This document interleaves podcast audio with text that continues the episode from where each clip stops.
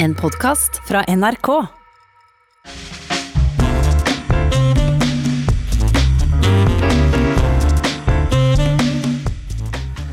Kjære alle sammen. Vi står midt oppi en vanskelig tid for Norge og for verden. Norge blir satt på en stor prøve.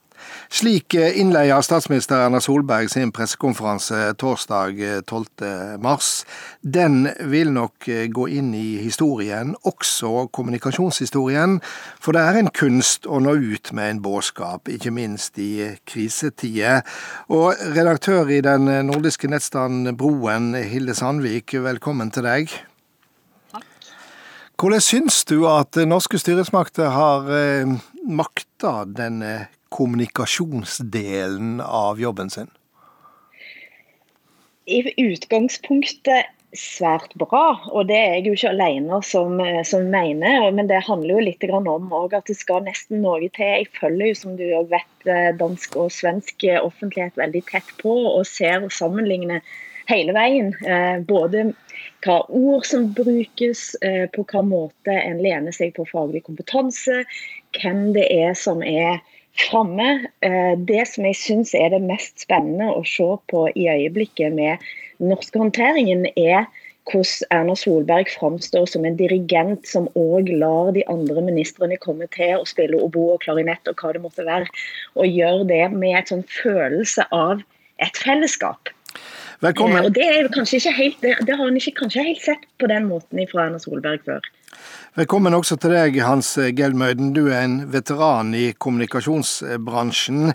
Hvor mange kast på terninga vil du gi norske styresmakters kommunikasjonsstrategi og utføring så langt? Eh, jeg gir terningkast tre for den første fasen frem til den 12. mars. Eh, og så finner jeg frem eh, sekseren fra 12. mars og ut. Hva gjør den seksåren berettiga? Du vet, her er det jo, er det jo tre ting som må gå i hop eh, parallelt. og Det ene er jo riktig plassering av det konstitusjonelle ansvaret. Jeg tenker at Det ble overført til helsemyndighetene fra 22. Eh, januar, men tatt tilbake igjen 11.-12. mars. Så Det er det ene. Det andre er kriseforståelsen. Eh, og Det er derfor jeg bare gir en treer for den første fasen. For jeg tenker at myndighetene mistet eh, litt kontrollen i perioden fra 22.1 og frem til 12.3, da myndighetene og Erna Solberg tok eh, kontrollen tilbake igjen. Og så er det selvfølgelig det retoriske. Eh, når man har fått kontroll og begynner å styre, at man tar inn over seg helt enkle kriseregler for hvordan en god krise skal håndteres. At man må være først på ballen, at man må forsøke å kommunisere korrekt. og Det er alltid vanskelig i krise, rett og slett fordi usikkerheten er så stor. At man opptrer troverdig. At man klarer å uttrykke empati, medfølelse med eh, folk i risikogruppene da, i dette tilfellet. Eh, og selvfølgelig at man viser handlekraft. Eh, retorikkeksperten Jens Elmen Kjeldsen har sagt at helsemyndighetene har mestret det kunststykket å få folk med på de inngripende tiltakene uten å skape panikk eller likegyldighet. Er du samd med det, Hilde Sandvik? Eh, ja, jeg leste den kommentaren til, til Jens Kjeldsen. Eh, eh, og Noe av det han har vært veldig opptatt av, og som særpreger norsk, er jo nettopp det at dette ordet dugnad har så, stått så sentralt helt ifra den aller første talen. Det har på mange måter blitt den formanende eh, mor eh, Solberg eh, som snakker om denne felles dugnaden som vi, som vi er i gang med. Og igjen, Der er det òg interessant å se på skoler til nabolandene. For den type ord er det som er som, som virker, ord som i Norge har veldig stor betydning, eh, men som òg kan bety alt og ingenting. Ja, for det er jo ganske krevende dette, Hans Gelmøden, eh, hvis du ser det fra et eh, kommunikasjonsfaglig ståsted. Dette å få oss virkelig til å ta inn over oss alvoret, men samtidig eh, ikke skape panikk. Ja, det er krevende. og eh, Veldig mange politikere elsker å opptre i rollen som gavmilde julenisser med det jeg kaller sukker- og kremfløtekommunikasjon.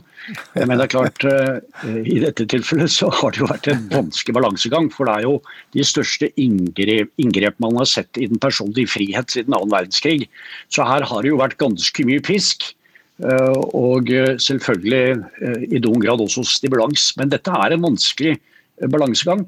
Glem ikke at de skandinaviske landene er de landene i verden som topper alle rangeringer når vi måler tillit.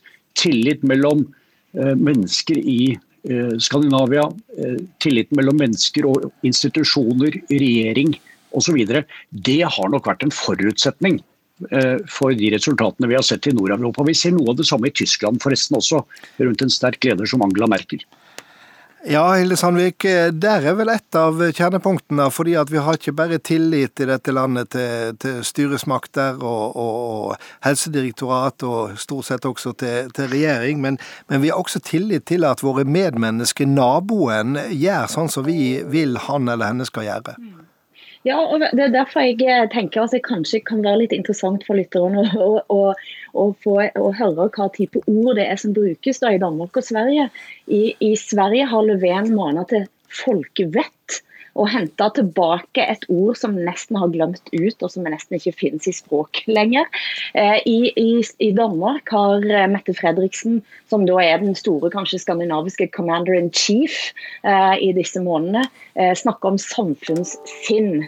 Eh, og både dugnad, folkevett og samfunnssinn det maner til dette fellesskapet. Eh, og Gelmøyden har selvsagt helt rett i at vi skårer altså skyhøyt i verdenssammenheng på tillit.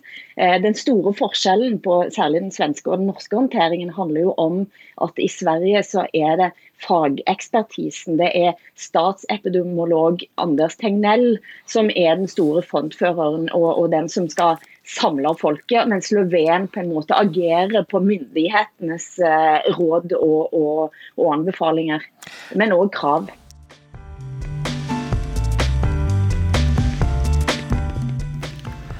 Svenskandes eh, Anders Tegnell blitt en eh, kjent eh, navn og ansikt også her i Norge. Det er vel liten grunn til å tro at våre helsetopper, Camilla Stoltenberg og Bjørn Gullvåg, er blitt det samme i Sverige.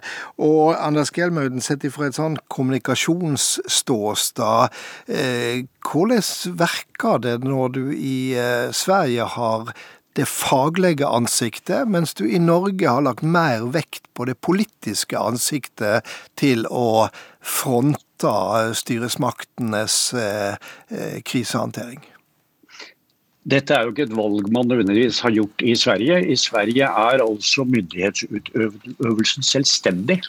Så det, følger av deres konstitusjon at det blir løst på denne måten. Vi har ikke det samme konstitusjonelle ansvarsplasseringen i Norge og eh, Danmark.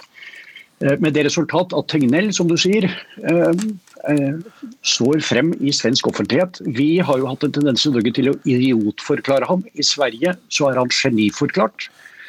Og man har enorm tillit til helsemyndigheten. Grunnen til at de har dette systemet i Sverige, er jo at man altså ikke ønsker at politikere skal korrumpere en slik situasjon som dette for å øke egen sannsynlighet for senere å bli gjenvalgt. Så dette er en interessant forskjell i håndteringen i, i, mellom disse tre landene. Og det er få som vet mer om forskjellene på Norge, Sverige og Danmark også i denne situasjonen enn deg, Hilde Sandvik. Eh, eh, hvordan tror du det virker på, på befolkninga i de ulike landene, at, at en har en ulik struktur også når det gjelder kommunikasjon? Mm. I starten så var det en del kritiske røster òg i Sverige mot Anders Tegnell. De mente at han, at han virka uklar. Eh, de, ikke, de, stolte ikke på han, men etter hvert som krisen har altså eskalert, og til tross for at det er stadig flere svensker som, som dør, så har han altså nå tilsynelatende en, en skyhøy, nesten ubrytelig tillit. Og jeg tror nettopp det at han ikke svinger kappen etter vinden, eh, at han står på sitt Altså Det kommer faglig motstand i hele tiden. Det var nylig så 22 eh, eh, forskerkollegaer han ute og kritiserte han kraftig bare, og i hans måte å svare på den kritikken på, så gjør han med det samme type ro. Altså, jeg har nesten tenkt på Saga Norén i Broen når jeg ser Anders Tegnell, mm. eh, som er dønn saklig, dønn rasjonell, rolig og agerer. Eh, ja. Mm. Du høres eh, ut til å være uh, uventa beundrende, Hilde Sandvik. Ja, jeg har jo jeg har befunnet meg i den situasjonen at jeg blir litt sånn skapsvensk. Eh, jeg, blir jo, jeg blir jo ofte eh, eh, beskyldt for å være så veldig Sverige-kritisk. Men inni meg nå så kjenner jeg at jeg har et ønske om at den svenske modellen skal være den rette. Det vil vi ikke på noen måte få et svar på. Men den måten å håndtere på altså i Norge har vi hatt en liten anelse til konflikt mellom Helsedirektoratet og Folkehelseinstituttet i synet på hvor åpen eller lukka en skal være. Eh, I Sverige så har en holdt skoler og barnehager åpne hele tiden. og Det har Anders Tegnell vært veldig tydelig med hele veien. At det finnes ingen faglige råd til å stenge ned. Sånn som vi har gjort det bl.a. i Norge og i Danmark. Igjen ut ifra et eh, kommunikasjonsståsted, eh, Hans Geldmøden. Kontrasten til Anders Tegnell må vel være Donald Trump? ja, det er ikke Trump en kontrast til det meste. Jeg får si heldigvis. Den oransje mannen, som de kaller ham. Et lite aspekt ved det norske som, jeg, som ikke har vært nevnt særlig mye i debatten, men som jeg tenker er interessant, Stanghelle. Eh, det er eh, at den norske regjeringen klarer å bruke alle viktige dialekter i det norske samfunnet i håndteringen Solberg kommer fra Bergen. Eh, Høie kommer fra Rogaland, Stavanger. Monica snakker, Mæland snakker et slags sørlandsk, får vi kalle det. Guri Melby fra Trøndelag. Og så har vi hatt Frank Bakke-Jensen med finnmarksdialekten når han legger frem sine Eh, sine forsvarsbetraktninger. Eh, jeg tenker at Det betyr noen ting, og det er ganske interessant å se den politiske makten representert gjennom denne kakofonien av dialekter, samtidig som du ser at ekspertmyndigheten selvfølgelig snakker embetsmannsspråket østnorsk. Det snakker Camilla Stoltenberg, Bjørn Gullvåg og Espen Nakstad. Eh, apropos eh, språkbruk og forsvarsminister, eh, hva syns du om krigsretorikken? En snakker om en usynlig fiende, ikke bare her i Norge, men, men i mange land. Det syns jeg fungerer godt, rett og slett fordi jeg tror mange opplever det på denne måten.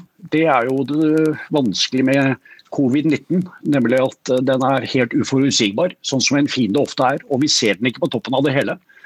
Eh, men det kan nok kanskje tenkes at det har bidratt til å bygge litt mer frykt i befolkningen. Vi så det nå, enda så gradvis åpningen var. Litt mer frykt i befolkningen enn det som har vært nødvendig. Eh, så det blir spennende å se hvordan eh, Solberg-regjeringen håndterer det videre. For i øyeblikket er det vel slik at sykdomsbyrden er lav, mens tiltaksbyrden er betydelig.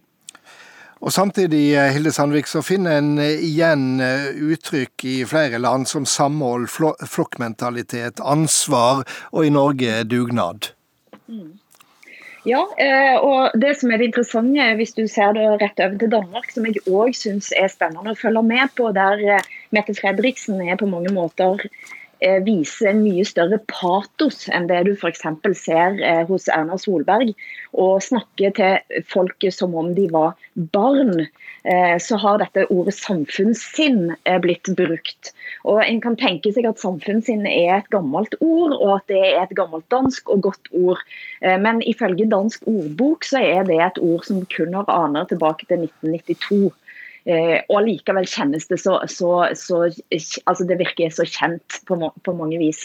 Eh, og det å, bruke, det, det, er, det å bruke den type ord, et samfunnssinn, hva er nå det? Er det Betyr det å vaske hendene dine, eller betyr det at staten skal vise samfunnssinn eh, for de som er mest ramma?